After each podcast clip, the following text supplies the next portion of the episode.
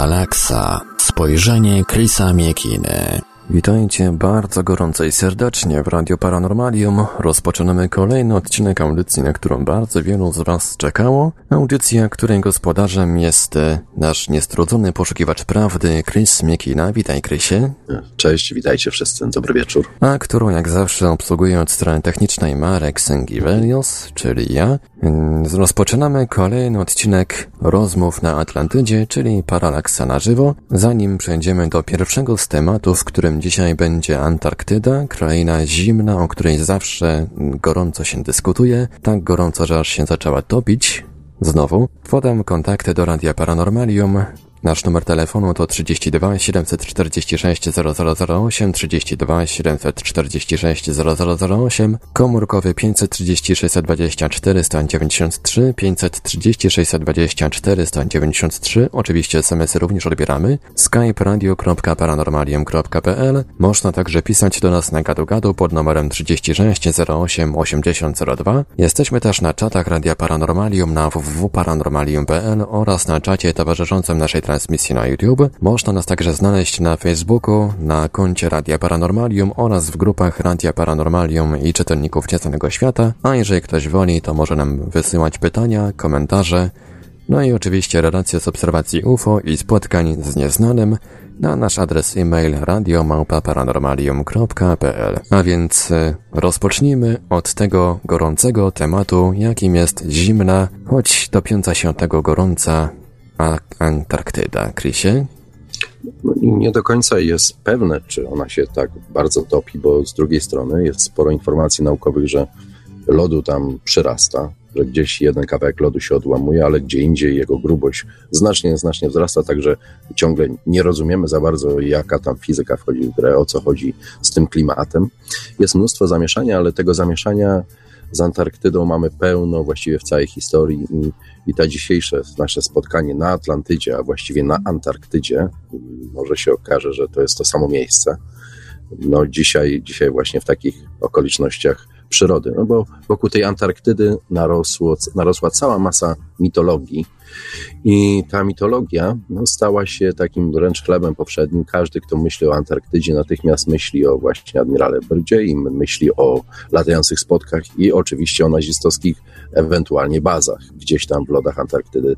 Taka panuje opinia i to rozpala oczywiście umysły, bo no, siłą rzeczy pobudza wyobraźnię. I e, myślę, że e, istotne jest, żeby w jakiś sposób móc ułożyć te, te wszystkie fakty i legendy obok siebie, aby móc jeszcze raz, e, tak na chłodno, chłodnym okiem, dokonać takiej obserwacji tego, co wydarzyło się na tym kontynencie, co na ten temat wiemy i ewentualnie spróbować odrzucić te wszystkie narosłe legendy, które tak naprawdę robią dużo złego całej tej historii, bo tworzą taki rodzaj dezinformacji. Niestety mity, dlatego się nazywają mitami i dlatego myśli się o nich, że są czymś stworzonym, wymyślonym, są fantazjami swoich twórców. Myślę, że dzieje się to tak dlatego, że zapładniając one wyobraźnię, stają się kanwą do jakiejś opowieści, historii science fiction raczej, gdzie tej fiction jest, jest maksymalnie dużo, no i to zaciemnia obraz. Dlatego, że pewne elementy zaczynają nagle pasować, historia robi się strasznie kolorowa i strasznie atrakcyjna. I, no i przez to, przez to ten, ta najważniejsza rzecz, ta istota tego problemu, gdzieś za nią się chowa, no i żyjemy właśnie wśród, wśród historii właściwie, które w zasadzie na końcu nie mają żadnego sensu.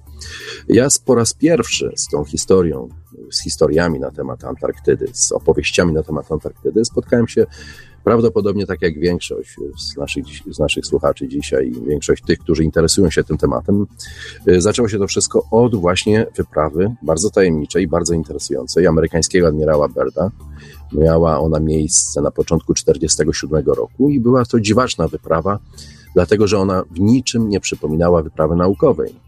Ta wyprawa to było kilka okrętów wojennych, w tym jeden z nich był lekkim lotniskowcem, było kilka niszczycieli, e, statki transportowe i zaopatrzeniowe, na pokładzie których był cały pułk e, piechoty morskiej, 4000 ludzi.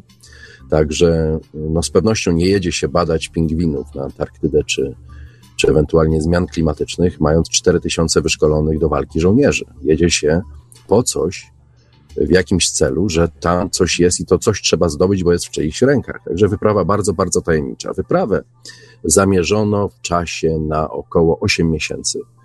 Y, I tak jak powiedziałem, wyekwipowano tą, tą całą ekspedycję w taki sposób, aby mogła przetrwać w lodach Antarktydy y, tak, tak długo.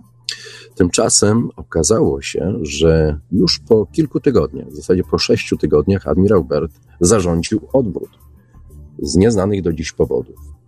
Wyprawa Berda y, zaczęła, wróciła do Stanów jeszcze tego samego roku i w trakcie tego powrotu y, Bert udzielił wywiadu dziennikarzowi chilijskiej gazety El Mercurio, opowiadając o różnych celach i założeniach tej wyprawy i wówczas powiedział bardzo znaczące zdanie. I to zdanie jest jednym z najważniejszych historii, która zapładniła szereg e, opowieści na temat Antarktydy. Powiedziałem mianowicie, że Stany Zjednoczone muszą się przygotować do tego, e, żeby walczyć z nieprzyjacielskimi myśliwcami, które poruszają się pomiędzy biegunami z niezwykłą prędkością.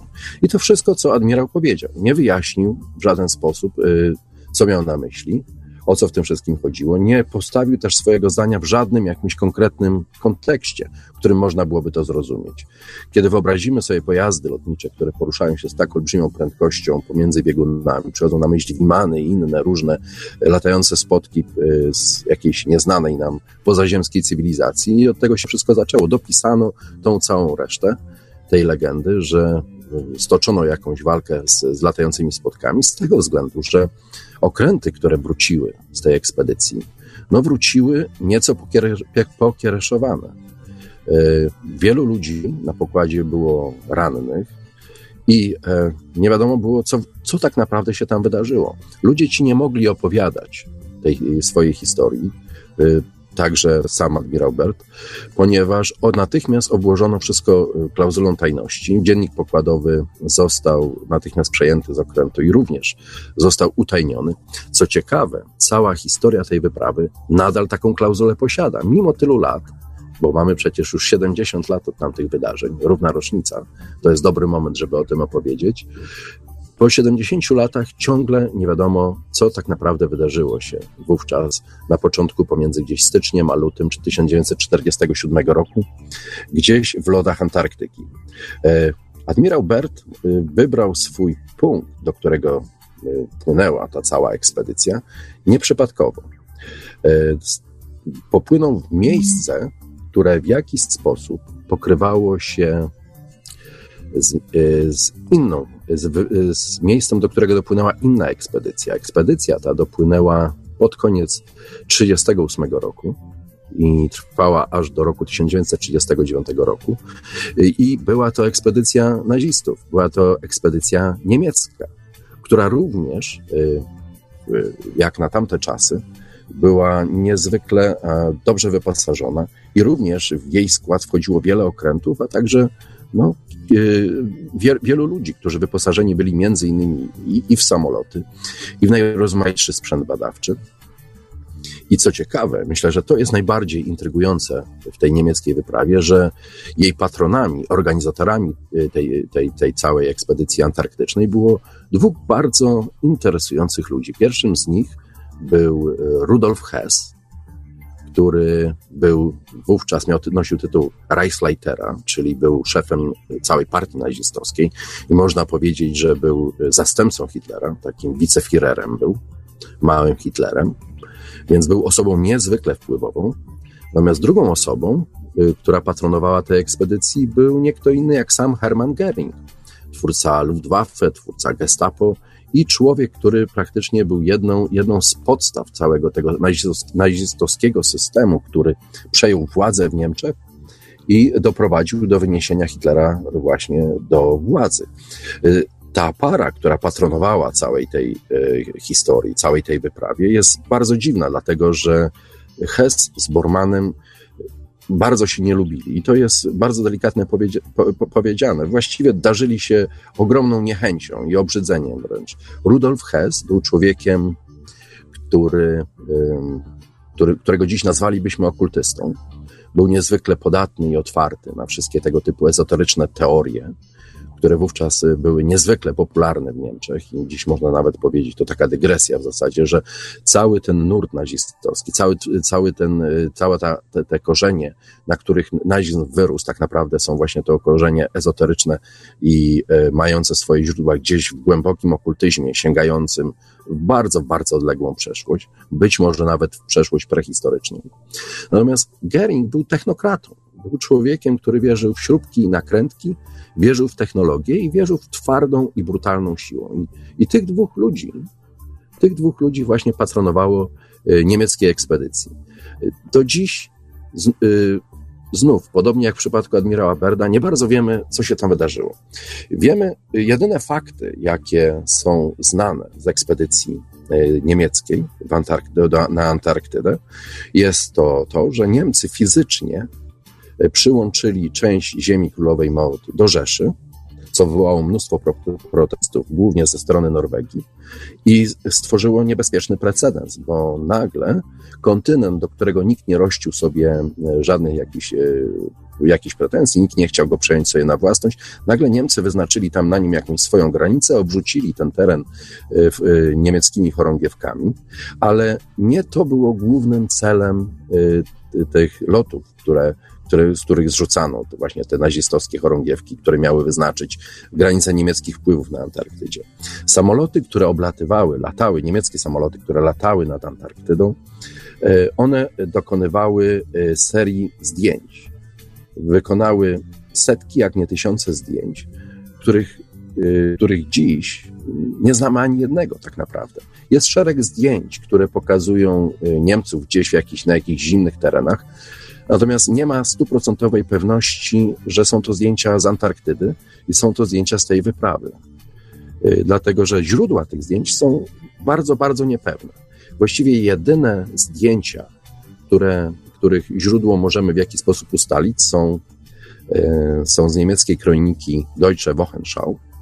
Była to niemiecka kronika filmowa podobna do, do tej, którą robiono w Polsce, do polskiej kroniki filmowej, która co tydzień opowiadała jakieś interesujące historie z życia swojego kraju. I, w tej kronice filmowej y, pokazano kilka zdjęć właśnie z Antarktydy, pokazano statek Schwabenland, który był centralnym punktem tej wyprawy i y, opowiedziano o tym, że Niemcy prowadzą tam badania naukowe i Rzesza niemiecka wspaniale się rozwija. Ten Deutsche Wochenschau to była taka tuba propagandowa niemieckiego imperializmu, można gdzieś tak powiedzieć. I e, każdy z tych odcinków był osobiście oglądany i aprobowany przez Goebbelsa, a, nas, a następnie aprobowany przez samego Hitlera. Także wybór materiałów był w jakiś sposób ściśle kontrolowany. Nie mogło tam się pojawić nic konkretnego czy przypadkowego, co umknęłoby uwadze cenzorów. I dlatego to, co, to, co oglądamy, niekoniecznie na tej, w tej kronice, niekoniecznie musi pochodzić nawet z, a z, Antarktydy. Jedyny taki widomy znak tego, że Niemcy rzeczywiście tam byli, to był medal, który wybito z okazji powrotu tej wyprawy. Dostał ten medal, dostał każdy z, z jej uczestników i, i właściwie na tym koniec. Przestano o tym w ogóle rozmawiać. I do dziś nie mamy żadnej dokumentacji z tej wyprawy, żadnych zdjęć i właściwie żadnych wniosków, po co ona była i czego ona dotyczyła.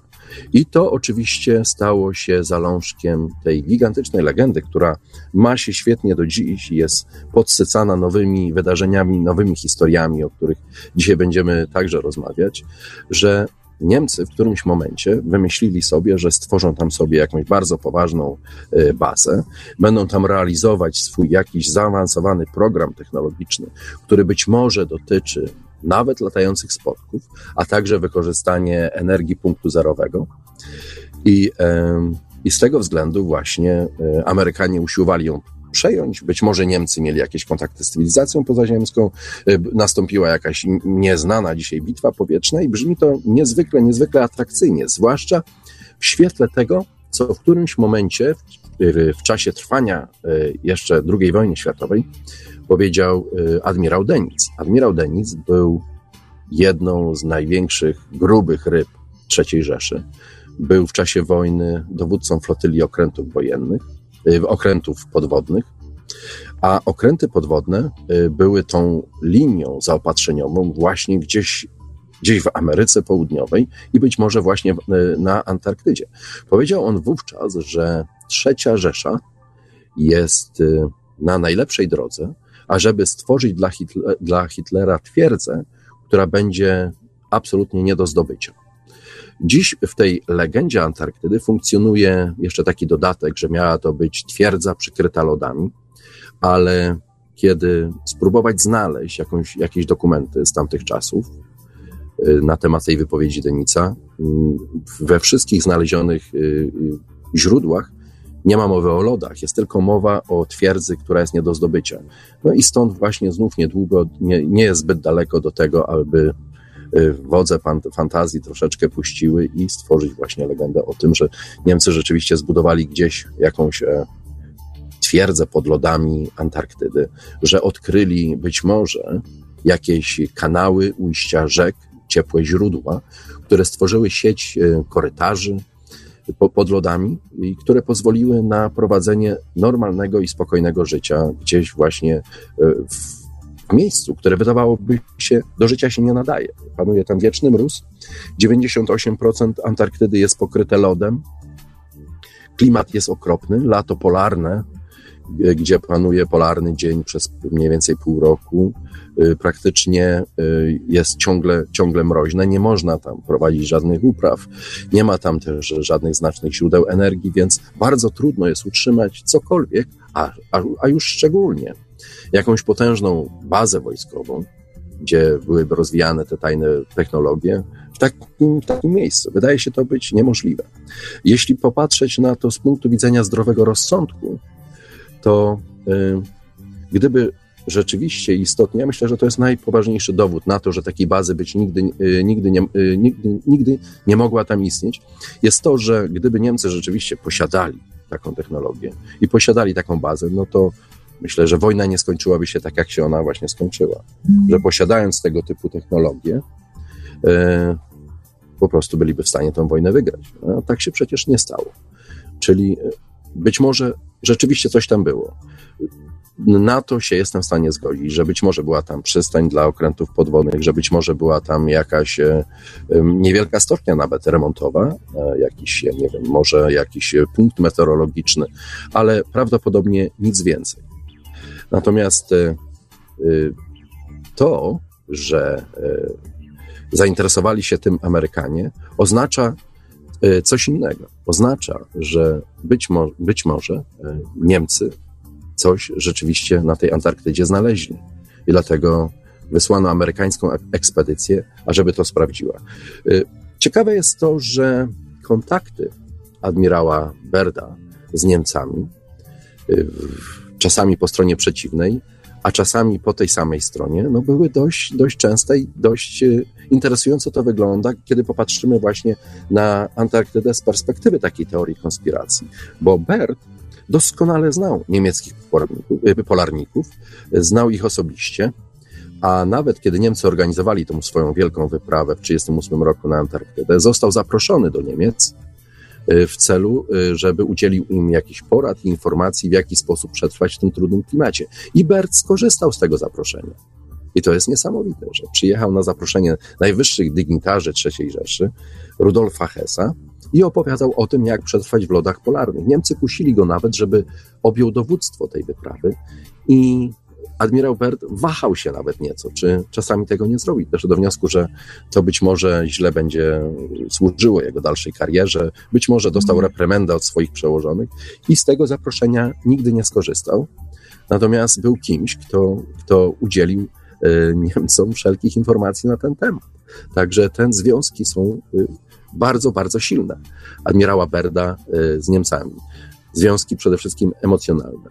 Sam Rudolf Hess to jest, y, jest y, sam w sobie interesującą postacią, z tego względu, że mając i grupując w swoich rękach taką olbrzymią władzę i taką olbrzymią potęgą, będąc właściwie fizycznym następcą Hitlera, y, nagle w 40 bodajże pierwszym roku wpadł na pomysł, żeby wsiąść w Messerschmitta 110, poleciał nim nad Szkocję, Messerschmitta rozbił, sam wylądował na spadochronie i od tamtej pory można powiedzieć, że słuch o nim zaginął w tym sensie, że już nikt nigdy nie usłyszał żadnego zdania Rudolfa Hessa. Podobno miał tam polecieć, żeby prowadzić z Anglikami rozmowy pokojowe, ale jest to bardzo dziwny sposób na rozpoczęcie tego typu rozmów.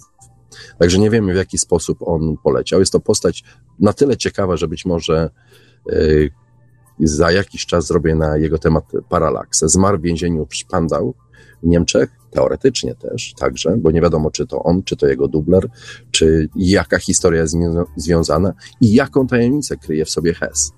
I być może tajemnica ta związana jest, y, związana jest właśnie z tym, co Niemcy odkryli na Antarktydzie. I y, ta cała historia troszeczkę przycichła, troszeczkę zmęczyła się y, brakiem nowych informacji, aż do zeszłego roku. W zeszłym roku y, temat Antarktydy bardzo, ale to bardzo intensywnie y, y, z, zaczął być eksploatowany przez najrozmaitsze media z tego powodu, że zaczęli pojawiać się, odwiedzać ten kontynent bardzo dziwaczni goście, dziwaczni pod każdym względem. I może umknęłoby to jako, jakoś uwadze, być może nie miałoby to takiego większego, wielkiego mhm. znaczenia, gdyby nagle na przykład na, na Antarktydzie nie pojawił się patriarcha Moskwy Kirył. Wśród tych wszystkich najdziwaczniejszych, najróżniejszych postaci, jakie wybrały się odwiedziny na Antarktydę, Kirył III, patriarcha Moskwy, jest postacią już rzeczywiście, która kompletnie do tej układanki nie pasuje. Kirył był w tym czasie na spotkaniu z papieżem Franciszkiem w Hawanie, co samo w sobie jest y, w zasadzie olbrzymią taką sensacją, ponieważ y, patriarcha Moskwy i y, katolicki papież w historii chyba nie spotkali się nigdy. Więc było to naprawdę historyczne spotkanie, które miało olbrzymie znaczenie. Na tym, na tym spotkaniu omówiono kwestie chrześcijan, którzy byli i są nadal mordowani na Bliskim Wschodzie, głównie przez najrozmaitsze grupy terrorystyczne, tych wszystkich fanatycznych muzułmanów. I po, po spotkaniu, które w pewnym momencie było spotkaniem w cztery oczy, nagle Kirył wsiadł w samolot i poleciał na Antarktydę. Rosjanie powiedzieli, że poleciał, bo był akurat w pobliżu. No jak popatrzymy, gdzie jest Kuba i gdzie Antarktyda, no to to pobliże nie jest aż takie bliskie, jakby się wydawało. I celem wizyty Kiryła na Antarktydzie było poświęcenie kaplicy, którą Rosjanie zbudowali w swojej stacji i, yy, i trzeba ją było jakoś, w jakiś sposób konsekrować. No ale do konsekracji kaplicy nie jest potrzebna osoba rangi patriarchy. To jest tak, jakby na przykład kaplicę w Radawie przyjechał poświęcić sam papież Franciszek. To jest taka skala, yy, skala te, te, tego typu przedsięwzięcia. Taką konsekrację mógł dokonać pierwszy, lepszy biskup, który byłby na tyle w dobrej formie fizycznej, że mógłby odbyć tak długi i uciążliwy lot yy, na, na, na ten lodowaty kontynent i, i tego poświęcenia dokonać.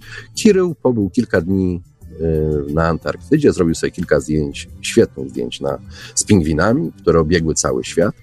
I jak się okazało wkrótce, wcale nie, był to, nie była to jedyna z dziwnych osób, jakie przybyły na Antarktydę.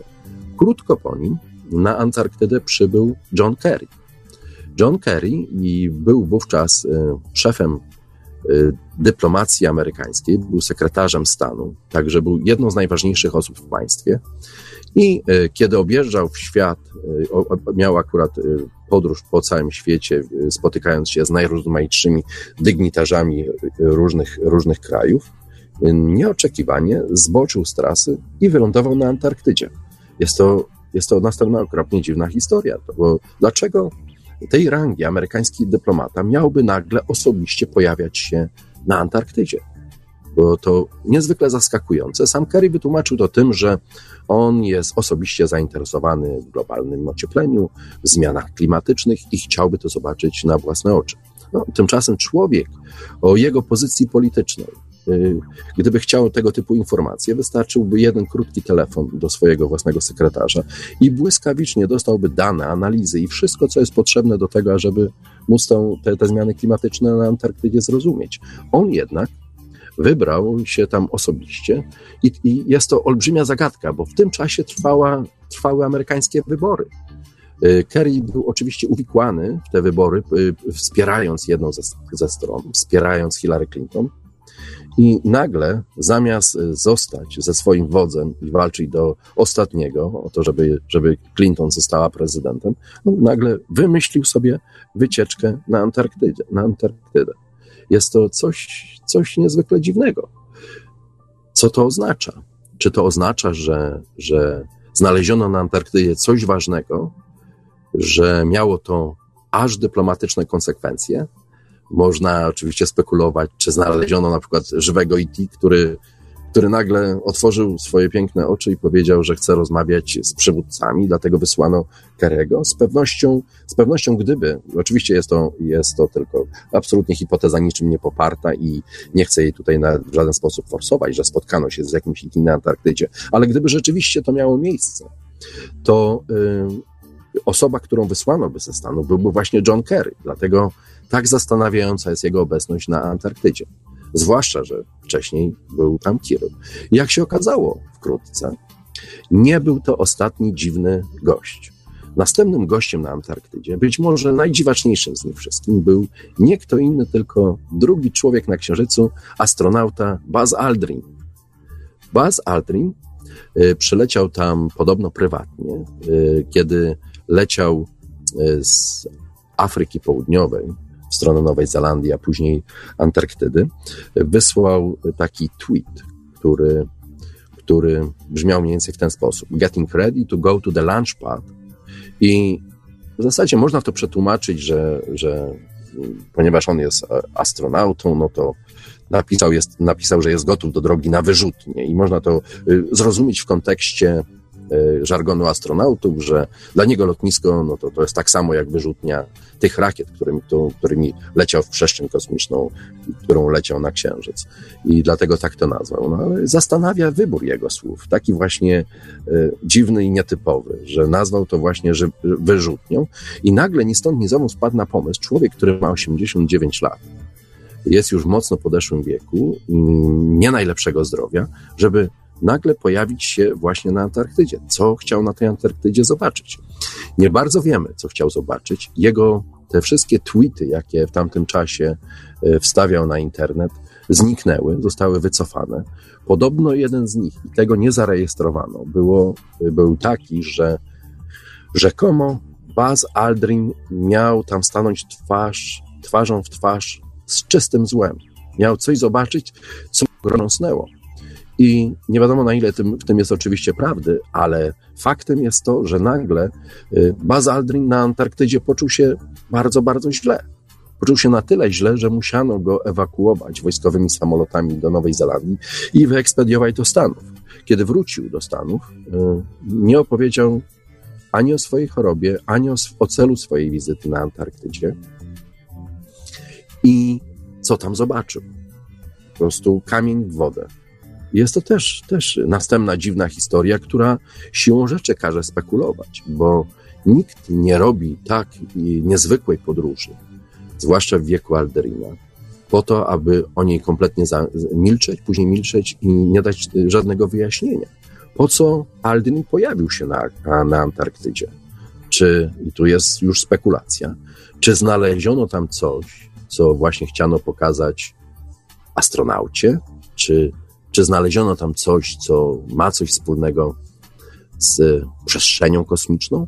Może coś, co mhm. Aldrin widział na Księżycu i potrzebny był ktoś, kto był świadkiem czegoś i może to porównać, yy, na, patrząc to własnymi oczami, czy jest to, czy ma to jakiś związek ze sobą. Być może są to jakieś ruiny czegoś, co gdzieś dawno istniało na, na Antarktydzie, a teraz jest y, gdzieś zagniecione tymi tonami olbrzymimi, lodów, do, które, do, do, do czego dokopano się przypadkiem. I wszyscy starają się zrozumieć, z czym mają do czynienia. Także nie wiemy, co się wydarzyło z Aldrinem, ale sam fakt, że jego osoba y, jest wśród tych dziwacznych gości na Antarktydzie i, i, i teraz może taka krótka wyliczanka, bo ten zestaw jest, spójrzmy na, na ludzi zainteresowanych. Antarktydą na przestrzeni tych 70 lat. Mamy twardogłowych nazistów, z czego jeden jest z okultystycznymi zapędami. Mamy y, fascynata Antarktydy i admirała amerykańskiej floty, admirała Aberda, mamy patriarchę Kiryła, mamy astronautę i to jest, jak, jak się okazuje, nie koniec. Okazuje się, że Antarktydę odwiedzają także y, arystokraci, koronowane głowy. Okazuje się, że y, na Antarktydę odwiedz, odwiedzał sam król hiszpański Juan Carlos, ale także był tam w 2013 roku y, książę Harry, który być może będzie następcą tronu Anglii. W każdym razie jego bliskie pokrewieństwo z rodziną królewską każe no, widzieć w nim jednego z tych ludzi, którzy, mm, którzy mają coś na świecie do powiedzenia, którzy y, reprezentują nie tylko rodzaj jakiejś władzy, ale także pewną historyczną linię krwi i wpływów z tym związanych, które gdzieś y, oplatają swoimi tymi mackami ziemię i, i, i, i dzielą je na, nie na granice i państwa, a właśnie na te, na te strefy, kto, co i kto do kogo należy. I, i właśnie te arystokratyczne głowy te stare arystokratyczne rody zastanawiają, że nagle one również wizytują Antarktydę i dodaje to jeszcze tego, tych oktanów, do tych, do, tych, do tych wysokooktanowych spekulacji na temat tego, co znaleziono na Antarktydę, co takiego tam się wydarzyło na Antarktydzie. Tutaj trzeba przypomnieć jeszcze y, o przemówieniu czy o konferencji prasowej, jaką kiedyś w czasie swoich rządów dał prezydent Clinton. I mówił on o tym, że na Antarktydzie znaleziono meteoryt. Meteoryt miał pochodzić z Marsa. I kiedy go rozłupano, okazało się, że w jego wnętrzu znaleziono skamieliny mikrobów co jest potwierdzeniem, że życie y, nie jest czymś tylko ekskluzywnym i specyficznym dla Ziemi, że życie istnieje także gdzie indziej, gdzieś w przestrzeni kosmicznej, gdzieś na innych planetach.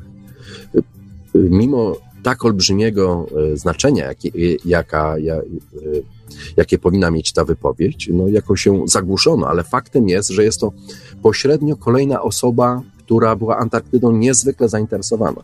I podczas wojskowej operacji Deep Freeze Clinton osobiście nadzorował ją właśnie z Christchurch na, w Nowej Zelandii, gdzie znajduje się amerykańska baza wojskowa i skąd ta operacja, której, która ciągle pozostaje olbrzymią tajemnicą, była przeprowadzana.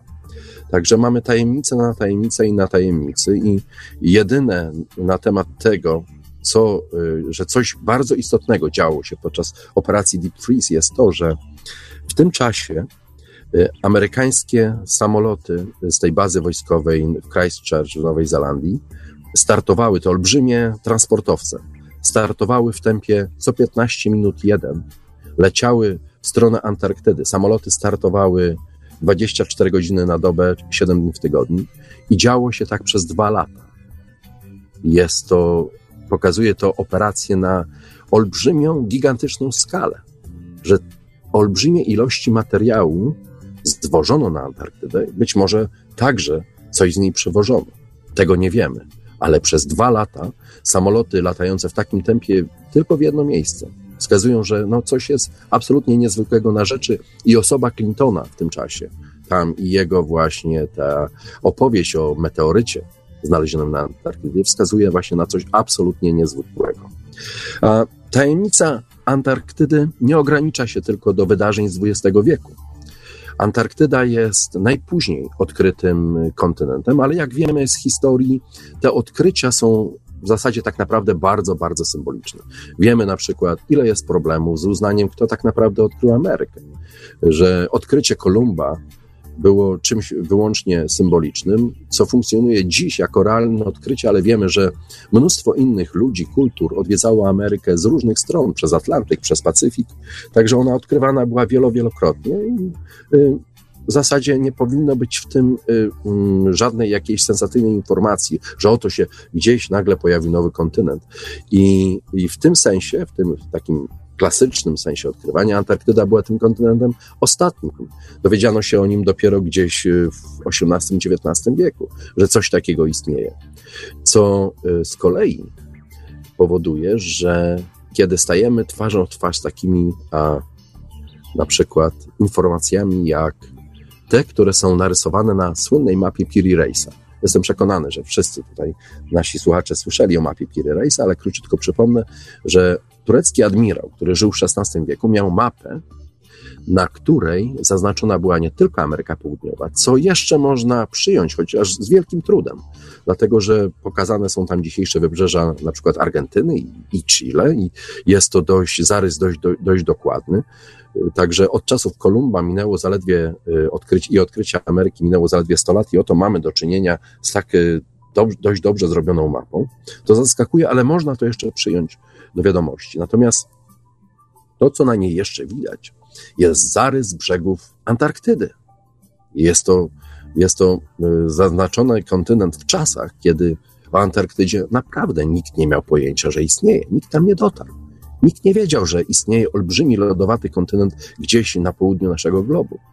Tymczasem u Rice'a jest ta mapa. Początkowo tą mapę zdyskredytowano jako rodzaj fantazji, no bo ta linia brzegowa, która została tam wyrysowana na tej mapie, nie bardzo pokrywała się z linią brzegową Antarktydy.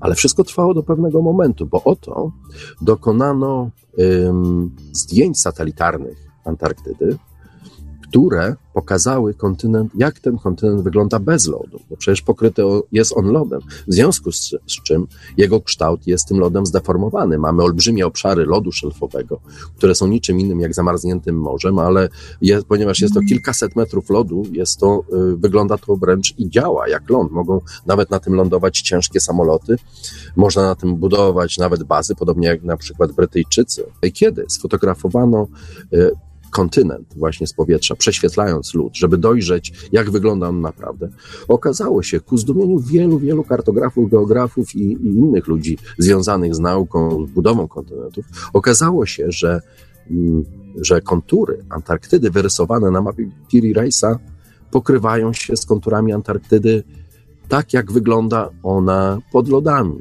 Jest to jedna z największych zagadek, jakie no chyba jakie istnieją na naszej planecie, bo jak to się stało, że turecki admirał wszedł w posiadanie takiej mapy i, i jaki sposób ktoś y, mógł taką mapę wyrysować i poznać prawdziwy zarys Antarktydy. Żeby tego dokonać, ten ktoś musiał mieć umiejętność poruszania się na dużej wysokości. Na dodatek zrobić to w czasach, kiedy lodów na Antarktydzie nie było. Więc to buduje olbrzymią, ale to olbrzymią tajemnicę tego co tak naprawdę reprezentuje ten kontynent, czym jest, jaka jest jego historia. I ta historia nieoczekiwanie łączy się, i tutaj wracamy z Antarktydy, a właściwie zostając w jednym miejscu, przechodzimy z Antarktydy na Atlantydę, bo łączy się to właśnie z legendą Atlantydy. I to z legendą, tą, którą opisał Platon w swoich dialogach. No bo kiedy, nawet jeżeli spojrzymy y, na to z takiego zdroworozsądkowego punktu widzenia, jaki był koniec Atlantydy? Atlantydę przykryła y, Atlantyda została zatopiona w oceanie. Przykryły ją olbrzymie głębiny morskie, przykryła ją woda. A lód czym jest? Jest stanem skupienia wody. Więc nieoczekiwanie wszystko się zgadza. Zgadza się, że jest to kontynent ciągle przykryty wodą, bo jest zamarznięty. Także nawet to, że Platon uznawał, że Atlantyda leżała na Atlantyku, gdzie na dzisiejszym Oceanie Atlantyckim. Gdzieś, ale gdzieś mamy też takie legendy, że po drugiej stronie na Pacyfiku był inny tajemniczy ląd zwany Lemurią. E, Atlantyda idealnie wpasowuje się w oba te mity. Bo przecież a, Antarktyda, a, mówię o Antarktydzie, że Antarktyda doskonale wpasowuje się w mit tak Atlantydy, jak i Lemurii, dlatego że jeżeli popatrzymy na nią z takiego punktu widzenia, no to dotyka swoimi brzegami jednego i drugiego oceanu.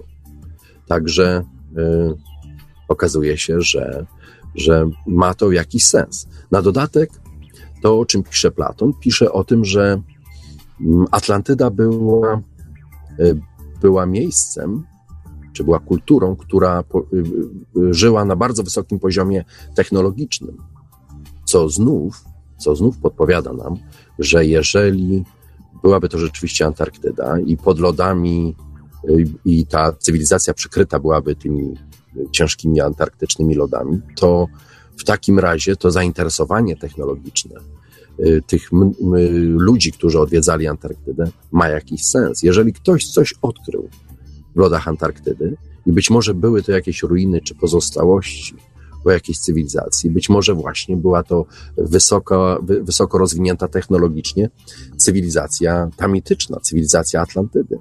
Nieoczekiwanie, nieoczekiwanie mit odżywa. I tutaj, I tutaj, kiedy popatrzeć na to, w jaki sposób pisał o tym Platon i w jaki sposób się, się to traktuje, to myślę, że opowieść Platona mm, nie powinno się traktować jako mit nie powinno się traktować jako opowieść, która jest historią fantastyczną. Z tego względu, że Platon, jako człowiek, e, który używał bardzo precyzyjnego języka, był filozofem, e, powiedziałby, że opowiada o pewnej alegorii, gdy tymczasem w swojej opowieści podaje on źródła. Podaje on źródła. Mówi o tym, że jego wujek Solon opowiedział mu o tym, Y, co się tam, czego się dowiedział na temat, na temat Atlantydy i że jego kuzyn był y, y, nie, nikim innym jak kapłanem wśród Egipcjan, dlatego że ta opowieść przyszła od egipskich kapłanów, została przekazana przez egipskich kapłanów i musiała, jeżeli została przekazana komuś z obcej kultury, to ten ktoś musiał zostać na takiego kapłana wyświęcony, musiał być jednym z nich. I stąd przyszła ta historia. Także jest to konkretna informacja. I teraz y, ten y, link, ta ścieżka egipska, znów zaczyna bardzo dobrze pasować do całego tego y, mitu Atlantydy. Z tego względu, że skąd Egipcjanie wiedzieliby na temat Atlantydy? Być może wiedzieliby stąd, że właśnie Egipt, to, ta niezwykła i tajemnicza cywilizacja zaczęła się od tego, że pojawili się tam właśnie uchodźcy z tego zatopionego kontynentu. Bo samo powstanie Egiptu, samo powstanie tych wysoko rozwiniętych, y, y, starożytnych cywilizacji, których korzenie giną gdzieś w prehistorii, które pojawiają się nagle, są odpalane jak, jak samochód przez, przez kluczyk. Są przekręcone i nagle mają, y, nagle mają wszystko. Nagle ludzie, którzy najpierw sobie ganiali za antylopami, żyli po jaskiniach, byli prymitywni, nie, nie za bardzo znali rolnictwa, nieoczekiwanie no, budują piramidy. Jest to coś absolutnie niezwykłego. Mamy z tym olbrzymi kłopot. Y, widzimy i patrzymy, rozmawiamy o tych piramidach bardzo często i w zasadzie no, są wśród nas i dlatego wiemy, że są niezwykłe, ale jeśli popatrzeć na to z tej perspektywy, jak to się stało, że z nienacka, nie wiadomo, y, wręcz wprost z piasku pustyni wyskakują tego typu y, budowle, których y, znaczenia do dziś nie, nie do końca rozumiemy, ale być może rozumienie ich jest szczególnie jest, jest możliwe, kiedy popatrzymy na to właśnie z perspektywy Atlantydy. I E, w historii mamy kilka prób takiego, podjętych prób takiego zrozumienia. Myślę, że trafiły te historie trafiły na niezbyt dobre czasy. Dlatego, że mowa tutaj o Towarzystwie Teozoficznym Heleny Bławacki, mowa tutaj o Edgarze Casey, o książce e, O'Donnella, który opisywał opisywał Atlantydę. I wszystko to było uwikłane w takiej ezoteryce, że zostało to wszystko bardzo szybko w jakiś sposób ośmieszone. I dziś są to zakątki wiedzy, które rzadko są przez kogokolwiek odwiedzane i są uważane najczęściej za jakiś, e, za jakiś rodzaj um, fantasmagorii ludzi, którzy sami nie bardzo wiedzieli, nie byli zbyt stabilni umysłowo i opowiadali jakieś dziwaczne, dziwaczne historie. Gdy tymczasem y, można spróbować jeszcze jednego podejścia, właśnie przez to, o czym oni pisali, i połączyć to na przykład y, z innymi opowieściami. Mam tu na myśli Edgara Casey. Edgar Casey, jak, wiem, jak wiadomo, był tym tak zwanym śpiącym prorokiem, był człowiekiem, który sięgał w przyszłość, przeszłość, bardzo, bardzo głęboko w swoich wizjach y, i e, opisywał istnienie takiego miejsca jak Atlantyda. I co ciekawe, zauważył on yy, i opowiedział on, że o jednym szczególnie ważnym elemencie, którym był tak zwany ognisty kryształ. Ognisty kryształ miał być źródłem wszelkiej energii dla Atlantów. Miał być yy, napędem dla tej całej cywilizacji, ale także miał być rodzajem broni która była e, no, nie, nie do zatrzymania przez wszystkich tych, którzy z Atlantami wojowali. A wiemy od Platona, że Atlanci byli narodem bardzo, bardzo wojowniczym. I e, jeżeli weźmiemy to wszystko w jedną całość, kiedy pomyślimy o Antarktydzie i Atlantydzie, teraz używam to wręcz zamiennie, bo coraz bardziej czuję się przekonany, że być może jest w tym głęboki, głęboki sens, to nieoczekiwanie dochodzimy do wniosku, że ta wyprawa niemiecka, o, o której zaczę, zacząłem dzisiejszą opowieść, była czymś, e, czymś, co było, miało niezwykle konkretny cel. Dlatego, że tutaj e, znów wrócimy do tej takiej lekko ezoterycznej otoczki, na, na, na bazie której powstawał nazizm, cały ten ruch, który wyniósł do władzy Hitlera. I jak wiemy, została tam powołana do życia organizacja, która nazywała się Annenerbedienst. I była to organizacja, która grupowała w sobie ludzi, byli to w większości badacze najstarszych, a bardzo często ludzie, którzy badali kultury prehistoryczne, szukali artefaktów. Wysyłane były ekspedycje SS, było to wszystko pod auspicjami SS. Wysyłane były do Egiptu, skąd jest ten film o Bradzie Picie, w jaki sposób to mniej więcej wyglądało. Oglądamy dziś e, filmy, które są komiksami, jak, e, jak film o Indianie Jonesie, który ciągle gdzieś spotyka tych nazistów, poszukujących uporczywie najrozmaitszych artefaktów, artefaktów które chcą przerobić na broń, które, których wyko chcą wykorzystać ich potęgę do tego, aby móc taki rodzaj y, broni stworzyć. I w momencie, kiedy mamy największy ze wszystkich mitów, mit Atlantydy i historię o tym, że Atlantyda posiadała gigantyczny kryształ, który stwarzał promień Y, przebijający i pokonujący wszystko, promień, który być może był w stanie strącić z, z przestrzeni kosmicznej planetę, no to na pewno wzbudziło to u Niemców gigantyczne zainteresowanie. I dziwne by było, że poszukiwali po świecie najrozmaitszych tych legend, byli, tak jak mówiłem, w Tybecie, byli pod piramidami, szukali y, Katarów y, i Albigensów i, i tego, co ewentualnie oni ukrywali u siebie na południu Francji, tych innych technologii. Także byli wszędzie i byli mocno, mocno tym zainteresowani. I nie było, i nie ma chyba w tym nic dziwnego, że mit Atlantydy był dla, nim, dla nich właściwie mitem pierwszorzędnym. I z tego względu wszystko zaczyna składać się w jedną całość. Ekspedycja niemiecka była niczym innym jak ekspedycją, która poszukiwała mitycznej Atlantydy. I być może znaleziono coś, coś na tyle niezwykłego, że zaniepokoiło to Amerykanów, i sprawiło, że nagle y, Antarktyda stała się najbardziej tajemniczym kontynentem na świecie. Zawsze była w jakiś sposób tajemnicza, tajemnicza, ale była otwarta. Dziś na Atlantydę nie można od tak sobie pojechać na wycieczkę. Można to zrobić jedynie w sposób zorganizowany. Nie ma tam co prawda wyznaczonych granic, ale są silne strefy wpływu. Jest to jedyne dziś miejsce na świecie, gdzie można ukryć coś, można ukryć olbrzymią instalację, którą no, nikt nie będzie w stanie y, podglądać. O ile na przykład, jeżeli ustawimy tajne laboratorium gdzieś w Radawie, czy gdzieś w jakimś innym miejscu, czy w strefie 51, y, satelity strony przeciwnej ewentualnie mogą mieć to na oku przez 24 godziny na dobę, ze względu na ich lot. Natomiast, żeby obserwować coś w takim tempie na Antarktydzie, trzeba mieć zespół satelit, które będą poruszać się biegunowo, i będą w stanie dokonać takiej obserwacji. Z tego co wiem, dziś nikt nie ma takiego, takiego systemu satelit, które byłyby w stanie tego dokonać. Są satelity, które poruszają się biegunowo, natomiast no, cały ten kontynent nie jest y, w, przez cały czas pokryty właśnie tym, tą, tą siatką, te, tym tą obserwacją z tych, z tych satelit, w związku z czym są bardzo długie, długiej ilości czasu, ażeby móc dokonywać czegoś, a nawet wystrzeliwać stamtąd. Jak z kosmodromu, jak z wyrzutni, o której wspominał Buzz Aldrin, coś przestrzeń kosmiczną i świat nie będzie miał o tym pojęcia. Gdziekolwiek indziej, czy z Bajkonoru, czy z Kalifornii, jeżeli wystartuje jakaś rakieta, wszyscy o tym wiedzą obserwują to i, i, spekulują. Z Antarktydy można robić to codziennie i i nikt o tym nie będzie wiedział. Dlatego jest to tak niezwykły i niesamowity kontynent i niezwykle tajemnicze miejsce, które nagle, nieoczekiwanie, ściśle łączy się y, z mitem Atlantydy.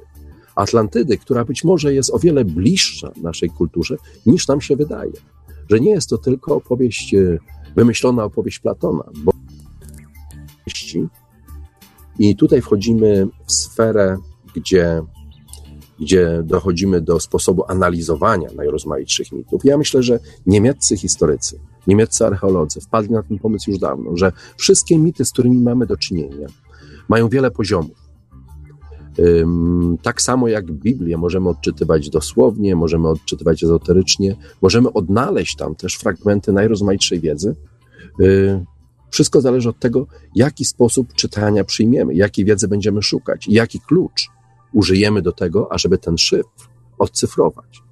I w przypadku na przykład opisu y, Atlantydy przez Platona, właśnie niemieccy fizycy, którzy pracowali między innymi nad teorią kwantową, fizyki kwantowej, odkryli nagle, że, że y, jego opis, opis jak wyglądała Atlantyda, jest niczym innym jak na przykład opisem fali stojącej protonu.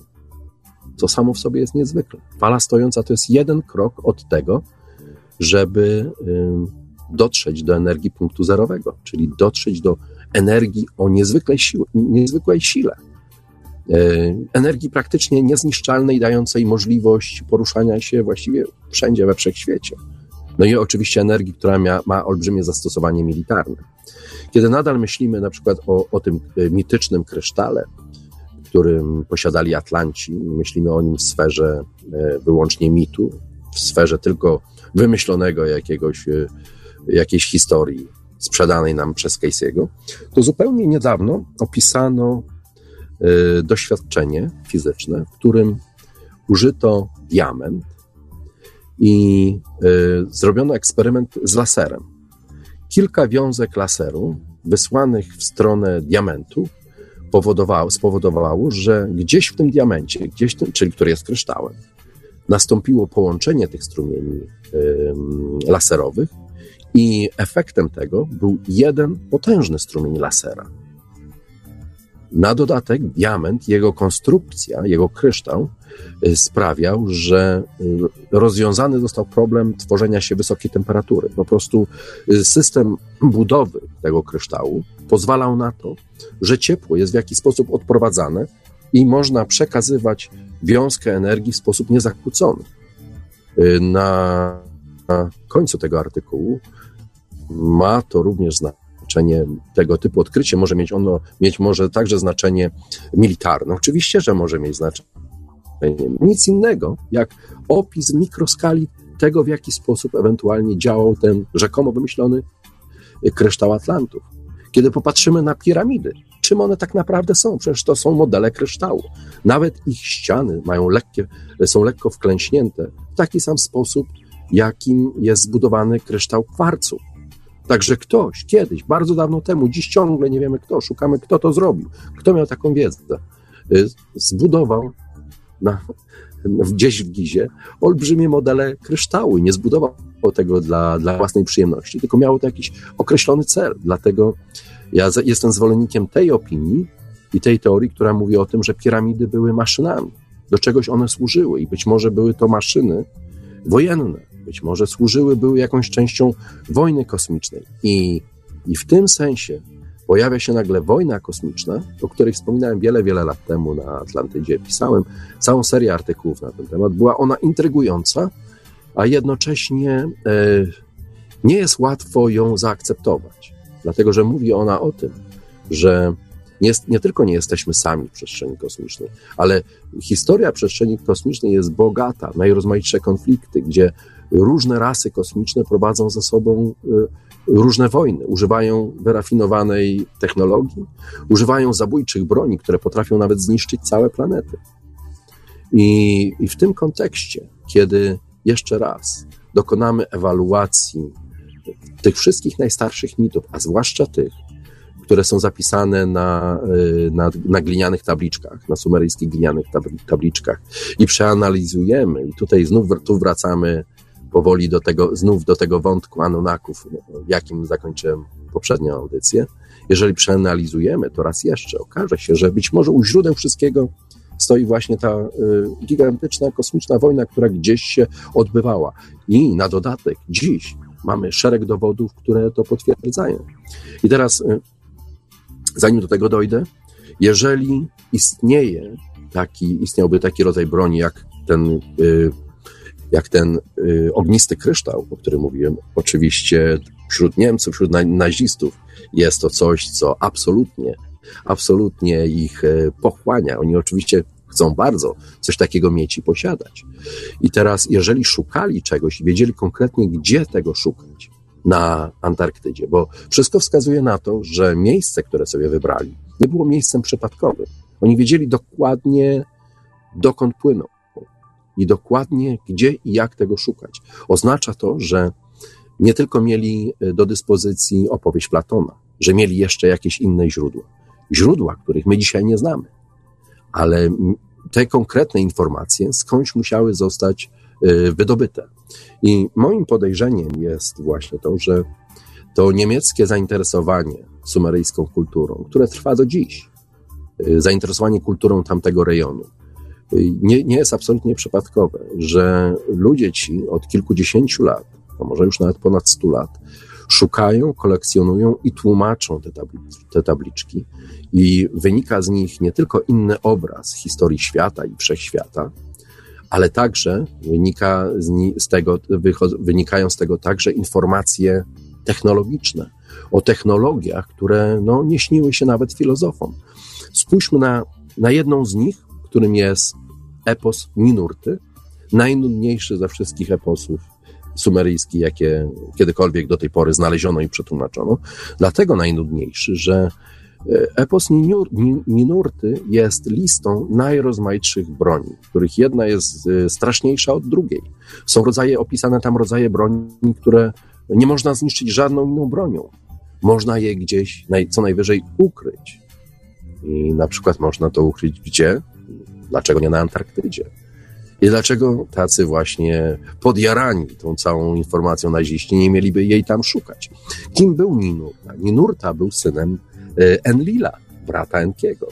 Także nieoczekiwanie znów zaplątujemy się w historię Anunnaków, którzy nieustannie pojawiają się gdzieś, e, gdzieś u naszego zarania, u naszego powstania i, i opowiadają nam właśnie to, co się wydarzyło i w kosmosie, i, e, i na Ziemi i wiele rzeczy właśnie w jakiś sposób nieoczekiwanie współgra ze sobą, bo jeżeli Anunnaki opisują swoją wojnę kosmiczną i, i my nagle porównamy to do tego, do badań, które do tej pory przeprowadzono na Marsie, okazuje się, że rzeczywiście y, do jakiejś wojny kosmicznej musiało dojść, bo skoro okazało się, że na przykład na Marsie znaleziono izotop, olbrzymiej ilości izotopu ksenonu 129, to dziś wiemy, że taki izotop pojawia się tylko w, jednych, w jednej sytuacji.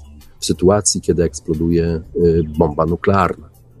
Ale do tego której... ten temat będziemy już chyba kontynuować w następnym odcinku Paralaksy już za tydzień. Ja przepraszam, że tak e, wszedłem, ale właśnie kończy nam się czas antonowy. E, także, Krysie, będzie jeszcze dużo do opowiadania. My, ja proponuję, żeby temat no, tej Antarktydy, ja się machnąłem chyba Atlantydę powiedziałem, żeby temat Antarktydy kontynuować w kolejnej paralaksie. Szczególnie, że pojawiło się w trakcie audycji cała masa pytań, szczególnie od jednego słuchacza, odnoszących się właśnie do Antarktydy. Także dzisiejszą paralaksę już niestety musimy powrótku kończyć. Już za chwilę na antenie Radia Paranormalium kolejna debata niekontrolowana. A naszym gospodarzem, jak zawsze, był dzisiaj nasz niestrudzony poszukiwacz prawdy Chris Miekina, autor audycji Paralaksa oraz serwisu Nowa Atlantyda. Dzięki jeszcze raz, Chrisie. Ja również dziękuję i mam nadzieję za, na wyrozumiałość i cierpliwość w tym, co opowiadam, dlatego że mnie samego tak ekscytuje ta układanka, te puzzle, które nagle zaczynają się łączyć w, w rozmaity sposób ze sobą, tworząc jedną spójną, olbrzymią historię, na którą rzeczywiście godzina nie wystarczy i cieszę, cieszę się, że będziemy kontynuować temat Antarktydy slash Antarktydy no, za tydzień. Za tydzień. Temat ciągle jest pełen różnych ciekawych informacji. Dziękuję bardzo. Dzięki Krysie. To była Paralaksa, rozmowy na Antarkty... rozmowy na Atlantydzie, oczywiście o Antarktydzie. Zapraszamy oczywiście już za tydzień na kolejny odcinek z Krysem Mikiną. Radio Paranormalium, paranormalny głos w Twoim domu. Dobranoc i do usłyszenia. Archiwum Radia Paranormalium. Pełne archiwum audycji najbardziej paranormalnego radia w polskim internecie. Dziesiątki gigabajtów wciągających paranormalnych mp czekają na Ciebie. Słuchaj zawsze i wszędzie, o każdej porze dnia i nocy. Dziel się nagraniami ze swoimi znajomymi i pokaż im prawdę, się nawet pomyśleć. Archiwum audycji Radia Paranormalium www.paranormalium.pl Koniecznie również sprawdź naszą oficjalną aplikację na Androida i Windows Phone.